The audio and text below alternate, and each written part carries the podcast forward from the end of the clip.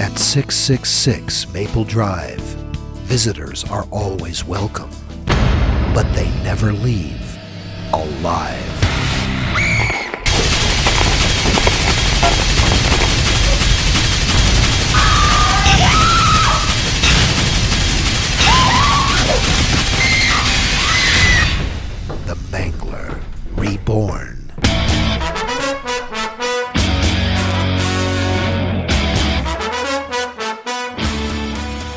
Witamy bardzo serdecznie w kolejnym odcinku podcastu Radio SK.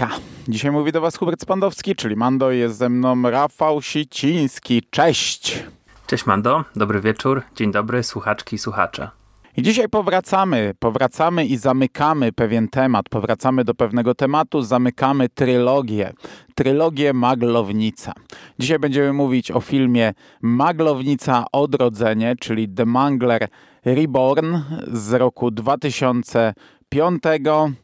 Ale czy na pewno zamykamy temat? Bo posłuchaj, e, twórcy, mm, bo za i scenariusz reżyserii odpowiada duet twórczy Matt Cunningham i Eric Gardner, nazwali ten film Maglownica Odrodzenie, ponieważ ten film miał odrodzić markę, jaką jest Maglownica. Skywalker Odrodzenie też odrodziło Gwiezdne Wojny, także nie widzimy epizodów od lat. E, także wiesz, oni, oni nazwali nawet tak specjalnie ten, ten, ten, ten film, żeby widzowie nie musieli się martwić poprzednimi częściami. To jest odrodzenie, to jest nowy porządek. Także kto wie, może może. E, dopiero minęło 18 lat od, od premiery tamtego filmu, więc może, może dostaniemy kolejny sequel i może wrócimy do tematu. Nie, myślę, że myślę, że nie. E, w tytule raczej chodzi o nawiązanie do jedynki, bo jest to sequel jedynki w przeciwieństwie do dwójki. Chociaż podejrzewam, że i, i o to nie chodzi twórcom, e, po prostu o to, że maglownica się tutaj odradza w pewien sposób. E, I chyba tylko o to. Natomiast e, wiesz co, jeszcze na wstępie powiem, że naszły mnie takie dwie myśli po obejrzeniu tego filmu. Znaczy, naszło mnie więcej myśli, ale o dwóch chciałbym powiedzieć. E, po pierwsze, chyba błędem było podzielenie jednak tych maglownic na dwa podcasty, bo to będzie bardzo krótka rozmowa. To to pójdzie bonusowo.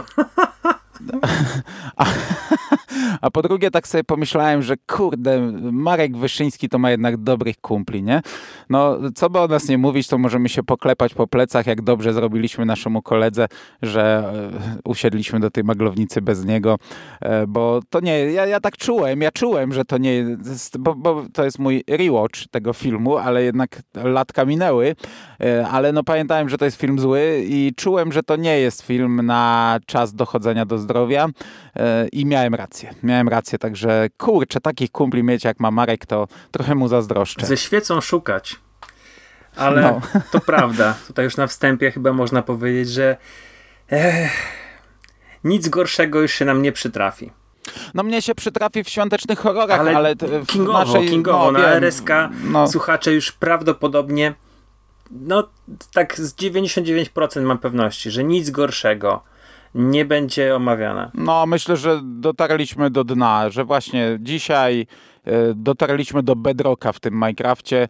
Jesteśmy na samym dnie świata.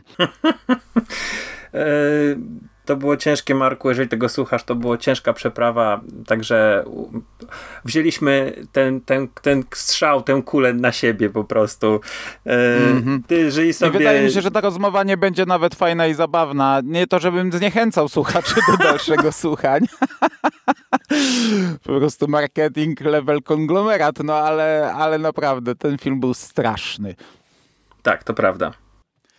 I co ciekawe, my już w zasadzie rozliczyliśmy się z twórcami, bo o tych panach nie da się nic więcej powiedzieć. E, także myślę, że temat e, reżyserów i scenarzystów zamknięty, bo ten duet odpowiada za jedno i za drugie. Aczkolwiek, aczkolwiek on jest bardzo płodny. To znaczy Matt no, Cunningham... No, bardzo, mają tam po 15 filmów może. Ten jeden, ten drugi ma mniej. I te filmy to są takie tytuły, które... No ja też ich nie znam, ale to nie jest tak, że wiesz, że mamy do czynienia z jakimiś no-name'ami. Ten Matt Cunningham robił przy efektach specjalnych do kilku filmów, między innymi do Żołnierzy Kosmosu i do Predatora, tego The Predator e, Blacka, więc y, to jest jakiś tam twórca. Jego bio, e, zresztą podejrzewam, że sam sobie je napisał, mm, które jest e, e, na Internet Movie Database, zaczyna się od tego, że jest wygrywającym nagrody reżyserem, pisarzem, scenarzystą pewnie, producentem filmów i, i telewizyjnych, i takich kinowych. Także tutaj rozwija swoją, swoją powiedzmy, no nie wiem, wizję w internecie, natomiast no, ten film który nie jest jego debiutem, który nie jest jego debiutem ani pisarskim, ani reżyserskim, no nie, nie świadczy zbyt dobrze o nim, no. Mhm. Można wspomnieć, że ten film jest dostępny w Polsce legalnie, nie na żadnym streamingu, ale był wydany lata temu, nie wiem ile, no kilkanaście lat temu na DVD. Ja to DVD posiadam. E, no nie czułem bólu wydając na to pieniądze. Teraz po tym seansie, no te pieniądze były dawno wydane, więc... więc... To była paczka fajek w tamtych czasach. 12 złotych. No, myślę, że to było, że to mogły być ze dwie paczki fajek w tamtych czasach. E, nie pamiętam, jakie były ceny, no ale no kurczę, to teraz zabolało faktycznie bardziej. E, Lepiej było wy wypalić, no. No.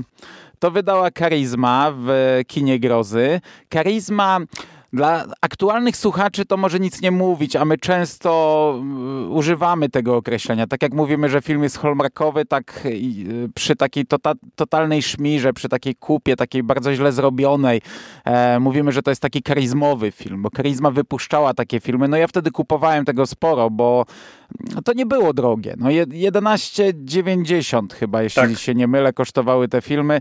To nie było drogie a wtedy nie było aż takiego dostępu do filmów, e, jak jest teraz, a w kioskach było mnóstwo kolekcji DVD, i takie, nie wiem, no takie kino domowe to były dwie dychy, 25, coś takiego. No to już tam powiedzmy odczuwalna różnica. No też oczywiście bardzo często w jakości na plus. E, nie jakoś bardzo, bo, bo kino domowe też wydawało kupy straszne, ale ja Karizma akurat prawie całą kupowałem. Nie wiem, czy to mi się zachowało. E, I, I w ogóle jak sobie przypominam, że bywało tak, że wiesz, że ja jechałem do Chełmna do siostry na weekend, nie miałem filmu, to wchodziłem do kiosku na dworcu, kupowałem jakąś karizmę w ciemno, jechałem i no to, to, to są naprawdę zabawne czasy, bo teraz nie wyobrażam sobie, żeby, żebyśmy my oboje, jako no, trochę starsi ludzie, mieli usiąść do, do takiego filmu po prostu i zmarnować tak piątek, nie? No przy filmie Karizmy, no to jest na pewno zmarnowany mm, seans. Można sobie puścić w ciemno cokolwiek z Netflixa i, i prawdopodobnie, no nie oszukujmy się, prawdopodobnie ten film będzie, e, będzie lepszy, no. Ale umówmy mhm. się, że Karizma miała spory wkład i to też pozytywny y, w powiedzmy rozwój rynku polskiego, bo wydała e, bardzo fajny serial Mistrzowie Horroru w Polsce. No tak, tak. Także nie skończyli, ostatniego odcinka nie wydali, ale, ale jednak wydawali i to im się chwali. To był ich najlep najlepsza rzecz, jaką wypuścili. Tak, także gdzieś tam sobie y, warto to odnotować, mówiąc o karizmie, że rzeczywiście była masa chłamu. E, starali się też wydawać jakieś e, późniejsze filmy, na przykład Toba Hoopera, ja dobrze kojarzę, coś tam wydawali, nie? Ale, ale raczej, raczej, to, raczej to są synonimem obciachu i słabego horroru. Kina klasy e, B, robionego przez półamatorów, kina niezależnego, która ze aspiracjami, no niestety tak to wygląda. Mhm. No... Y to jest to wydanie, no to to jest takie wydanie jak w tamtych czasach. Sam film natomiast znów format 4.3 E, ale to tutaj tam format to jest akurat najmniejszy jego problem. I jeśli chodzi o film, to on, tak jak mówiłem w poprzednim podcaście, nie jest nigdzie sygnowany nazwiskiem Stephena Kinga. W sumie to, to jest ciekawa rzecz. Mnie, mnie to zastanawia, e, dlaczego tak jest, bo ani w napisach początkowych, ani w napisach końcowych tego Kinga nie ma. Natomiast oczywiście na wydaniu DVD, szczególnie polskim, mamy napis na podstawie opowiadania Stephena Kinga e, na okładce. Nazwisko nazwisko Kinga pojawia się tylko na końcu napisów końcowych w podziękowaniach, na samym końcu długich podziękowań. Wydaje mi się, że tam literówka się wkradła, bo myślę, że tam powinien być nie specjalne podziękowania, tylko specjalne przeprosiny, no ale, ale no, to, to jest myślałem, jedyne nazwisko że, Kinga. Myślałem, że powiesz, że tam się literówka wkradła, że oni chcieli podziękować Kangowi, a nie Kingowi. A... no to podobny poziom, no. No. E, I to w zasadzie to w zasadzie tyle, no, jeżeli chodzi o wstęp do, do, do filmu. Bo znaczy o aktorach możemy powiedzieć, dos, chyba że ty jeszcze chcesz coś tutaj rozwinąć. Nie, nie, absolutnie. No. no. Nawet nie tyle nie chcesz, co nie możesz, bo nie ma co. E, o aktorach można powiedzieć dosłownie jedno słowo o jednym człowieku, bo reszta to są no-name'y. Chyba, że nie wiem, przeanalizowałeś ich filmografię i, mm, i coś tam ci się trafiło. Ja tutaj idąc na nagranie rzuciłem okiem na kilka i nic mi się nie trafiło. Natomiast gra tutaj Reggie Bannister, którego ja bardzo lubię za fantazm i zawsze jak się pojawia w jakimś filmie, to zawsze no, jest to jakiś plusik dodany. Nie wiem, czy ten plusik tutaj, ten jeden punkcik e, wyszedł na zero w ogóle. Chyba nie. E, nie przysłużył się aż tak filmowi. Szczególnie, że ta rola to tam... Ale no, Reggie, Reggie. Jak widzę Reggie'ego, no ja, ja bardzo lubię Fantazm. E, on tam grał też Reggie'ego w Fantazmie e, i ostatnio omawialiśmy Silent Night, Deadly Night. On grał w czwartej części, co prawda go wtedy nie poznałem, ale grał.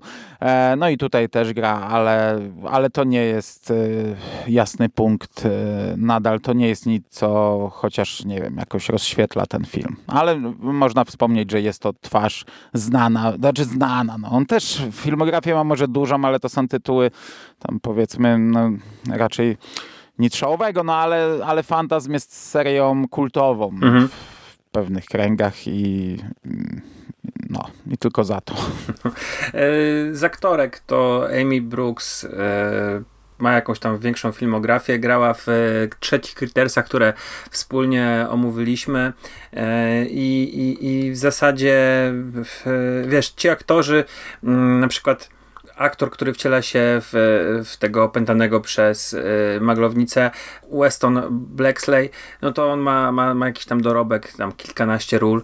Hmm, chyba najbardziej najbardziej opatrzoną twarzą jest matka, która ma chyba najmniej do zagrania tam, Sara Lily, 110 mm, ról, z tego co sobie zapisałem, e, bardzo dużo serialowych i to wiadomo, nie, w serialach no to epizodyczne, ale mm, na pewno ją da się skojarzyć, tak, bo, bo to jest charakterystyczna twarz i, i, i się przewijała, no, no jednak 110 ról to jest dużo i część z tego na pewno gdzieś tam widziałeś, nie, bo nie tylko to są filmy kinoklasy Z, nie? Czy tam produkcje mm. amatorskie, ale, ale rzeczywiście zdarza się jej zagrać w jakichś tam większych serialach, chirurgach, o ile dobrze pamiętam, w Reju Donowanie, w Castle. Także no to jest epizodyczna aktorka. Natomiast no yy, jeszcze jest córka, Julian Diver i ona to też jest aktorka, która ma mm, kilkanaście e, ról na koncie i to też są seriale mm, Castle, o ile dobrze kojarzę, e, również Skandal, także Zabójcze Umysły. To nie są aktorki, które byśmy kojarzyli, ale, ale mają rzeczywiście jakoś, jakiś tam dorobek, nie? No, ale szczerze, jak wspomniałeś o matce, to chwilę trwało, zanim sobie przypomniałem, o jaką matkę ci chodzi, bo to jest aktorka, która ginie jeszcze przed czołówką. Także tak jak powiedziałeś, wiele do zagrania tutaj nie miała. Okej, okay. mówisz o czołówce. Fabuła w ogóle. nie mamy Rycha. No. Co prawda Rychu by to fajnie jednym zdaniem podsumował no.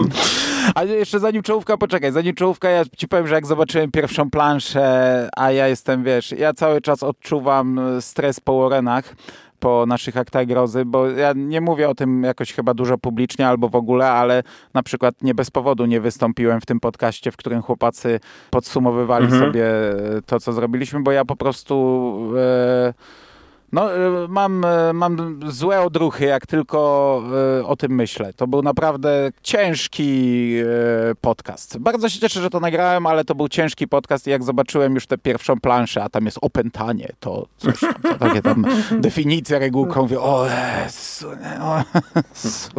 już mnie zabolało, nie? Już mi się pięć razy mniej chciało oglądać ten film. No, Tak, to prawda.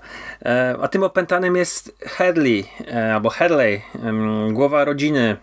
Mieszka w wielkim domu z żoną i kim jest zawodu? Hydraulikiem, może nie hydraulikiem, może takim gościem od napraw sprzętu AGD, który hobbystycznie renowację przeprowadza maszyny do magla, magla, maglownicy, która podobno jest maglownicą tą z pierwszej części. Ale robiłem stop klatki, e, przyglądałem się i ja tego podobieństwa nie widzę. No ale to tam on ją całą przemodelował, nie? Tam są tasaki, noże i inne takie rzeczy. On tam użył może jakichś elementów, bo mamy tutaj taką bardzo długą czołówkę. Ten film jest krótki. On ma ile tam? 84 minuty chyba, mhm. a ta czołówka jest bardzo długa. Chociaż przyznam, że ona jest niebrzydko zrobiona. Nie. I gra punkowa muzyka tam w tle, więc... Mm, ale to są takie e, gazety przelatujące i w sumie wydaje się, że tanio, bo napisy to są wycięte karteczki położone na tych gazetach, ale to wygląda ok. Może przez to, że jakość tego nie była zbyt dobra, ale no, widziałem już takie filmy tanie, gdzie właśnie czołówki to było takie streszczenie czegoś, że tam ktoś uciekł z wariatkowa albo coś i jakieś tam nagłówki, gazetki i zazwyczaj wyglądało źle, ta wygląda ładnie, ale jest pieruńsko długa i tam właśnie mamy te historie, mamy e, na tych nagłówkach wspomniane wspomniane, że Magiel w pewnej fabryce no, dochodziło do wypadków, potem zamknięto fabrykę, ten Magiel rozmontowano, jakiś facet kupił ją za astronomiczne pieniądze. Nie wiem w sumie co to znaczy i jak hydraulika na to stać, ale spoko. No ale w jakim on domu mieszka? Słuchaj, no to jest dom, który no. wygląda jak dworek. jak to ogrzać? No. No i on, e, on te maglownice, to jest jego obsesja i pasja. On gdzieś tam w piwnicy czy gdzieś w domu ma te maglownice i właśnie zaczynamy od sceny z żoną. Żona mówi, że on już nie chodzi do pracy, że on się nie zajmuje domem, że on nic nie robi, tylko ten magiel i magiel, a on jest takim guburem, takim agresywnym guburem odpowiadającym jej źle, takim z szalonymi oczami. E, no i przed czołówką on ją zabija. Zabija ją waląc ją takim młotem wielkim w głowę. To w sumie jest motyw, który się będzie przewijał przez cały film. E, takie jeb z młotkiem w głowę i, i gleba. No i wkładają do tej maszyny i już tam w pierwszej scenie widać, bo on chyba montuje tam jakieś tasaki czy tak, noże. Jeszcze nie widzimy dokładnie jak ta, jak ta maszyna działa, ale no ale widać je. Natomiast w końcówce już widzimy dokładnie, to jest po prostu taśma, na której wkłada ciała, które jeszcze żyją, czyli ludzi w sumie wkładanie ciała i, i takie są jakieś takie, takie ręce, takie, nie, nie słowo straciłem, z, z nożami i tasakami na końcu, które tak dziab, dziab, dziab, dziab, dziabią te ciała i one tak przejeżdżają przez te, przez, po tej taśmie i, i są dziabane nożami i tasakami Czyli i wypadają. maglownica zmieniła się w krajalnicę. A. To jest takie moje podsumowanie no tego bo ona filmu. nie magluje, nie? nie ma Ale... nawet elementu. Nawet wałkiem nie dostają przez łeb. Wydaje mi się, że e, zaczyna się od tego, że on tam idzie i tam sobie oczywiście coś tam grzebie przy tej maglownicy i kaleczy się w rękę i ta krew w jakiś tam sposób budzi magiel do życia i go wciąga.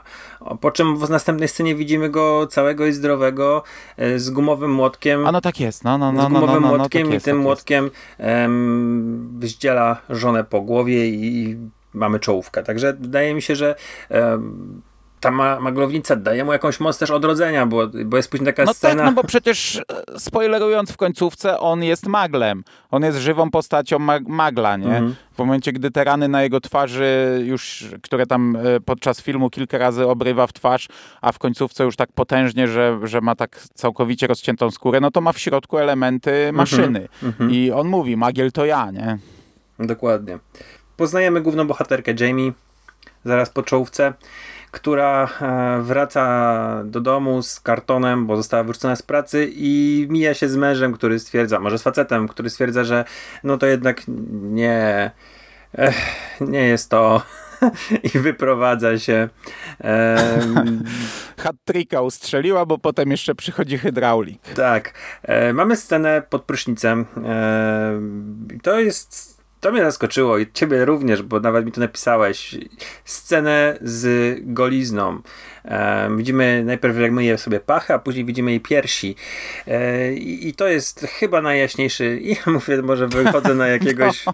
naprawdę prostucha, ale to jest najjaśniejszy punkt tego filmu. Jeżeli, jeżeli w e, 3 sekundy piersi jest jedynym pozytywem, to, to myśl, naprawdę dużo mówi o, o obrazie. E, a tak, to jest, e, to jest najjaśniejszy punkt Amy Brooks pod prysznicem przez tę chwilę. No. no nasz facet ją uprowadza, bo oczywiście tam młotkiem w głowę i ona mu ucieka, ale on ją łapie i pakuje w taki wielki worek i to jest, jest scena niby śmieszna, jak sąsiad kosi trawę, ale jest tyłem, a widzimy za, za nim, jak on ją w tym worku dźwiga, ona tam się szarpie, wyrywa, on ją wrzuca do samochodu. Nie, to, to nie jest śmieszna jest scena. jest śmieszna, ale... bo przecież ona się zaczyna od tego, że on najpierw wrzuca takie spojrzenie z nad ramienia, takie złowrogie i później się czai, bo ona sobie z, z kimś tam rozmawia przez telefon, on się czai za nią z tym młotkiem gumowym i w końcu zamiast ją, nie wiem, spacyfikować jakąś taśmą, to on ją raz uderza tym młotkiem i próbuje wepchnąć do tego worka. Ona ucieka mu, chowa się pod łóżkiem, a on ją e, zaczyna dusić. Ona wbija mu przecież szpilkę, e, czy but taki, taki z ostrym obcasem w ucho do tego wchodzi muzyka punkowa, także tam się dzieje trochę, ale no nie jest to e, coś co warto obejrzeć. No tutaj e, jest śmiesznie, ale wydaje mi się, że to jest niezamierzenie śmiesznie, bo to jak on tam próbuje ją właśnie wepchnąć do tego samochodu i, i widzimy gdzieś tam w pierwszym planie kosiarza trawy. A, a? Mm, a. Kosiarza trawy. E, no to, to, to, to jest chyba ten niezamierzony komizm. No wiesz, no to, to, sam ten facet jest komiczny, bo on jest taki pieruńsko poważny, z takim wytrzeszczem, yy, ma taką gubrowatą twarz, taki łysy, łysy tatuś. To tak jak my. No, no trochę. No. No dobrze, dobrze. I e, w międzyczasie poznajemy właśnie Reggie'ego i jego syna. To on się tutaj Ricky nazywa, nie Reggie. E, którzy stoją w samochodzie przed domem akurat e, naszego tutaj hydraulika i szykują się na włam. I, i ta scena jest, Jezus, tam Ricky pali papierosy i on odpala, tam w ogóle jest już kupa papierosów pod samochodem, on odpala jednego, weźmie ze dwa machy, wyrzuca, odpala drugiego, co jest w sumie komentowane przez jego syna. Oni roz rozmawiałem i o jakichś problemach rodzinnych, i o wszystkim. Tam w tle gra taka muzyka na gitarze, która jest taka stała, ciągła, bez różnicy, co się dzieje. I ta scena mnie, nie wiem, to, to, to była ta scena, która aż mnie zabolała. Mówię, jakie to jest wszystko tanie, słabe, ta muzyka mnie tam po prostu mm -hmm. dobiła. On idzie do tego domu, ta muzyka jest cały czas taka sama. Wcześniej na tą punkową może tak nie zwróciłem uwagi, ale e, w tej, w tej scenie zobaczyłem, jak to jest tanio zmontowane, sklejone, zrobione. No i nasz Reggie wchodzi do tego domu, żeby okraść ten dom, a okazuje się, że ten dom jest fortecą że jak już się do niego wejdzie, to nie idzie wyjść. Tam są wszystkie okna po pierwsze zasłonięte od wewnątrz, po drugie chyba zabite. Zamurowane po trzecie drz no, drzwi jak się zatrzasną, to już ich nie idzie otworzyć. I tak po prawdzie to reszta filmu, a jest to prawie cały film, dzieje się w tym domu. To prawda.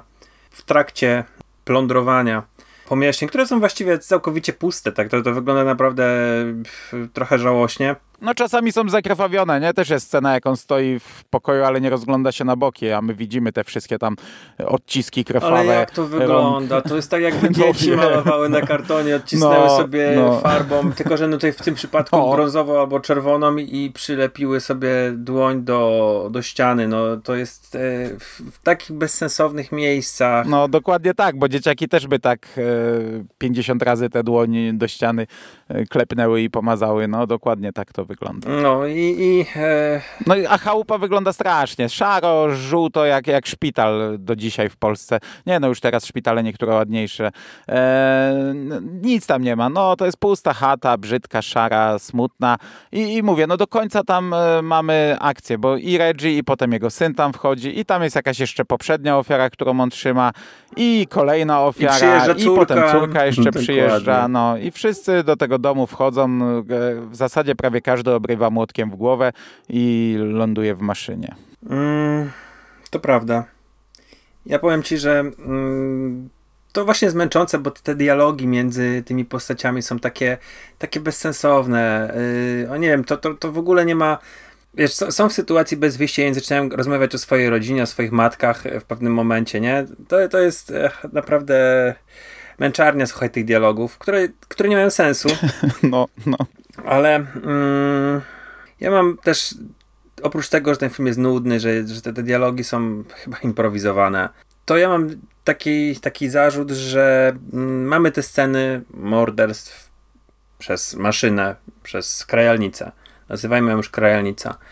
I to jest chyba najbardziej żygogenna scena, jaką widziałem, bo ja miałem wrażenie, że tam jest, y, to jest jakaś poklatkowa w ogóle scena, te, te, te noże się jakoś tak dziwnie poruszały, to wszystko mrugało, to nie było mm, fajnie pokazane. No nie wiem, dla mnie, dla mnie w ogóle żaden, żadne morderstwo w tym filmie nie było znowu w żaden sposób atrakcyjne, mimo że przy okazji drugiej części mówiliśmy o tym, że one trwały tam sekundy. Tutaj trochę to No to jest dłużej, inaczej, nie? ale... tu jest niby krwawo, tu jest niby tej krwi trochę i przy tych waleniach młotkiem i tym biciu się jest krew. I w tej maszynie też jest dużo krwi. Tam jest e, i, i ten oprawca jest pokryty krwią i ta krew chlapie dosyć mocno, ale to wszystko jest po pierwsze to, to walenie młotkiem w każdego, to raz może zrobić wrażenie, bo to w sumie by, by mogło być fajne, takie podejście i takie, wiesz, pierdyknięcie młotkiem w ciszy, bo tam nie ma żadnych efektów dźwiękowych przy tym, Mhm. nie? To jest takie tylko lekkie łup i, i gleba, nie? No to takie rzeczy były, nie wiem, w teksańskiej masakrze No właśnie. i to może zrobić Właśnie wrażenie, tutaj nie? jest coś, na co chciałbym zwrócić uwagę i zapytać się, czy ty też masz takie odczucia, że ten film w takiej swojej surowości, w takiej właśnie... Mm, dużo dzieje się w pewnym momencie na tej klatce, są takie podobne dosyć sceny, to uderzenia młotkiem, jest jakaś scena jedzenia. Czy to nie jest, nie mówię, nie chcę mówić zżynka, ale czy to nie jest jakieś takie mocne oddawanie hołdu albo sugerowanie się pierwszą, tak, pierwszą częścią teksańskiej masakry? Hoopera? Pewnie tak, ale wiesz co, ja, ja przy seansie tego nie czułem, bo to jest bieda, bardzo, bardzo bieda sugerowanie się i, i bardzo bieda film i przy seansie tego w ogóle nie czułem. Może przy tym uderzeniu gdzieś tam mi coś w głowie zadzwoniło, ale to skojarzenie to tak naprawdę teraz się ze mnie wypluło nawet bezmyślnie, Mhm. bo, bo nawet nie planowałem o tym wspomnieć, po prostu jakoś mi się samo e, w słowotoku wylało. E, Ale jak o tym mówimy, to tak, trochę tak pewnie. No, też takie odczułem. No ale, Ale to jest biedne, to, to jest, to, jest, to jest słowo, które już powtarzę, to będzie biedny film i to jest No. biedny hołd, który, który, no nie wiem, nie dostarcza tych takich emocji, jakie dostarczała jednak teksańska. Mm. W żadnym momencie. No i właśnie te, to, co ty wspomniałeś, to jeszcze trzeba podkreślić mocniej i i delikatnie rozwinąć. Te sceny śmierci są słabe. No. W dwójce nie było ich w ogóle, a tutaj niby są, niby jest krew, niby jest tam jakieś uderzenia, niby są cięcia ostrymi narzędziami, ale one są słabe i e, jednakowe często i ja bym nie umiał wskazać, e, tak jak sobie zawsze się bawiliśmy w te najlepsze śmierci, wybór najlepszych śmierci. Nie wiem, może Mike, czyli syn. Nie wiem. Nawet nie pamiętam, jak zginął. No w piwnicy chyba, ile dobrze kojarzę. No nie wiem, też, też nie, ma, nie ma chyba sensu zastanawiać. One są wszystkie do siebie podobne. Młotek jest No. gumowy, więc to też jakoś wielkich ran nie zadaje. No. No i tyle. Nie? Jest tutaj masa takich głupich scen, jak na przykład te rozerwane klucze i one wymieniają się tymi kluczami, podają sobie je z ręki do ręki. Ty spraw te drzwi tymi kluczami, ty spraw te drzwi tymi kluczami. Jest dużo w ogóle scen z, z tymi wytrychami, bo oni otwierają te drzwi za każdym razem wytrychem i to, ta scena trwa. E, Pokazane jest to, że gdzie oni tam wkła- wkładają te wytrychy i próbują to, otwierać. To strasznie strasznie głupie jest. Nie wiem, no nawet nie wiem tego. To, to, to, to jest. Sceny są kręcone po to, żeby wypełnić film, i to tak strasznie czuć, że nie masz nic do zaofer- zaoferowania widzowi. Nie masz absolutnie nic. Masz małą obsadę, tak naprawdę yy, to jest sześć osób, plus matka, która przed, przed napisami w czołówce ginie, e, mąż i, i kosiarz trawy w, w scenach z Jamie, więc masz tą, tą malutką obsadę i, i nie potrafisz tego tak napisać, żeby była w jakiś sposób interesująca. Wypełniasz to nudnymi dialogami, wypełniasz to scenami otwierania drzwi. To jest po prostu film, gdzie nie, nie wiem, czy widziałem inny film, w którym tak długo otwierają drzwi wytrychami. Naprawdę, to jest to po prostu żenada. No, nie bierzesz no. się za film, jeżeli nie, nie masz na niego jakiejś tam większej wizji i, i kurde, no przecież masa jest filmów, które dzieją się w jednym budynku, w jednym pomieszczeniu i one no tak, trzymają widza, bardzo dobre, tak, nie? potrafią trzymać widza za mordę, potrafią nawet mało opatrzeni, mniej znani aktorzy e, potrafią wyciągnąć z takich rzeczy i tutaj nie chcę zrzucać e, winy na aktorów, bo po prostu oni nie mieli co grać. tak jak powiedziałem, mam wrażenie, że wszystkie dialogi między Mike'iem a Rickiem, czyli między ojcem a synem są improwizowane. Oni sobie tam po prostu gadali, mieli zagrać scenkę jakąś i, i Reggie wymyślił, że będzie palił papierosy, a syn będzie na to zwracał uwagę. Tak mi się wydaje. Znaczy jakaś tam mikrociągłość jest teoretycznie, bo on e, mówi o tej swojej przeszłości, że zepsuł wiele rzeczy, mhm. a potem to jest teoretycznie motywacja do jego działań bo on ratuje, stwierdza, że dobra, jestem złodziejem, je, z, zniszczyłem swoje życie, ale tutaj nie zostawia. Ten syn mówi, spadaj stamtąd, uciekaj z tego domu, to nie twoja sprawa jest, nie, jak się wytłumaczysz policji. A on, nie, synu, tym razem e, ben, zachowam się jak należy. Nie, no, no nie jest to dobre, ale, ale jak, e, jest jakąś linią chyba przyczynowo-skutkową. Może, może. No, tylko że wiesz, mógł przeczytać wcześniej scenariusz i wiedział, jaką scenę będzie kręcił następnego dnia. no, trochę tak. Dobra, to jest naprawdę bardzo zły film. Ja jestem trochę w szoku, bo dwójka była bardzo złym filmem, a, a ta trójka jest naprawdę dużo gorszym filmem. I y, teraz, dobra, teraz powiedziałem... wiesz, teraz yy, my to nagraliśmy, obejrzeliśmy osobno, nagraliśmy osobno i tam też sporo wylaliśmy yy, na, na dwójkę, a dwójka jawi się yy, przy, przy, przy trójce, przy Reborn jako pełni profesjonalna, przemyślana produkcja z... Jasne, pewnie miała większy dużo budżet, ale rozrywkowo no, było, był dzień do nocy. No, tutaj ja, ja zasnąłem po, po kilku minutach i drugiego dnia, jak oglądałem ten film, to ja wypiłem specjalnie kawę, żeby, żeby wytrzymać, bo to jest tylko godzina 20, tak jak powiedziałeś.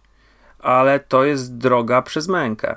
Znaczy, no, widziałem wiele, wiele gorszych filmów, ale to dlatego, że takie mam hobby, nie? I oglądam, sam sobie to robię, nie? Ale to jest straszny film, ale w ogóle zadziwia mnie, jak strasznie gówniana jest to trylogia.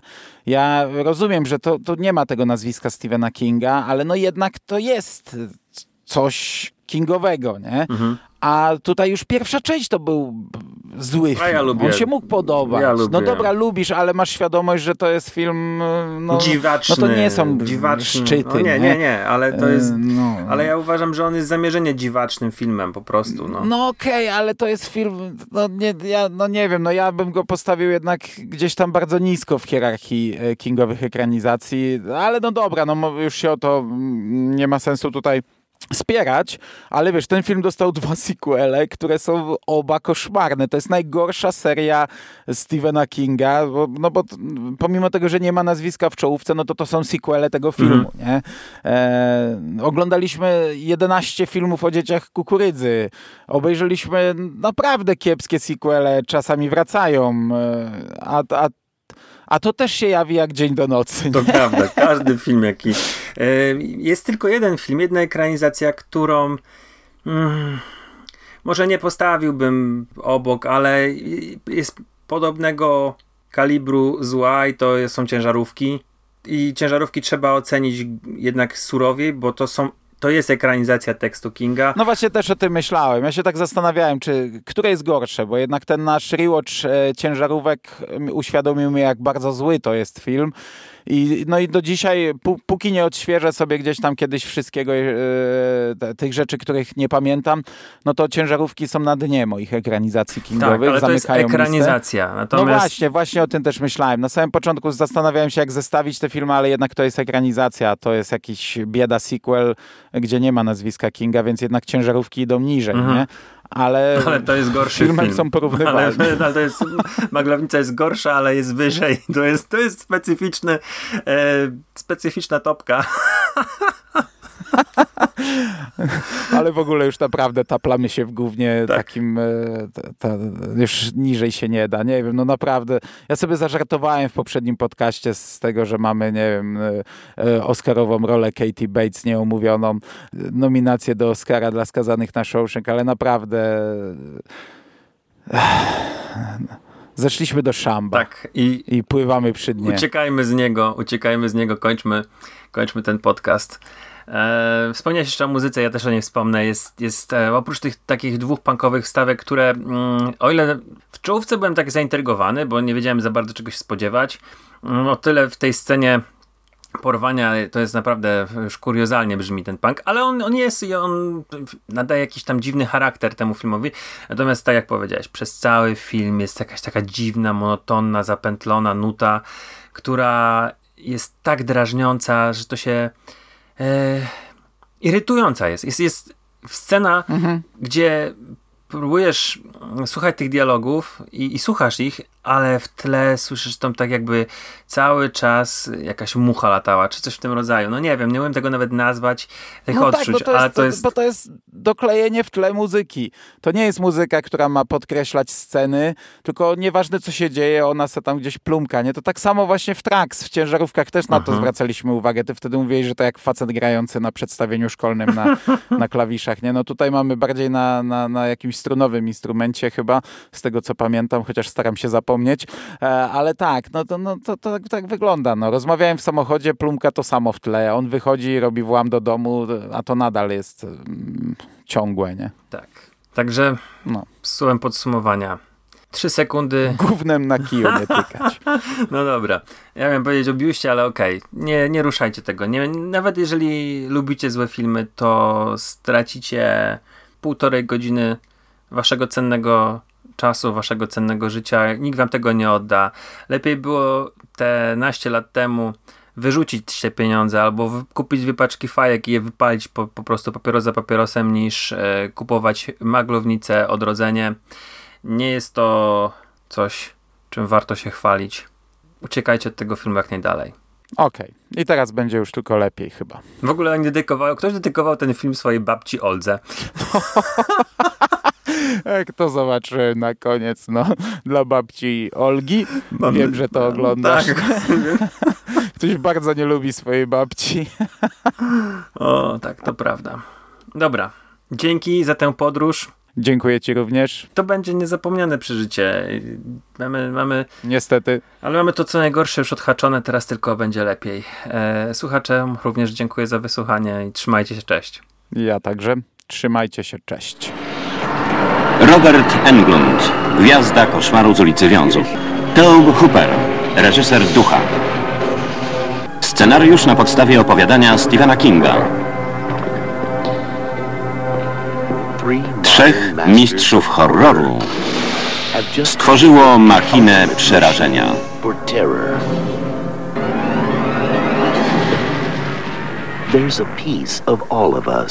Maglownica. We all have to make sacrifices.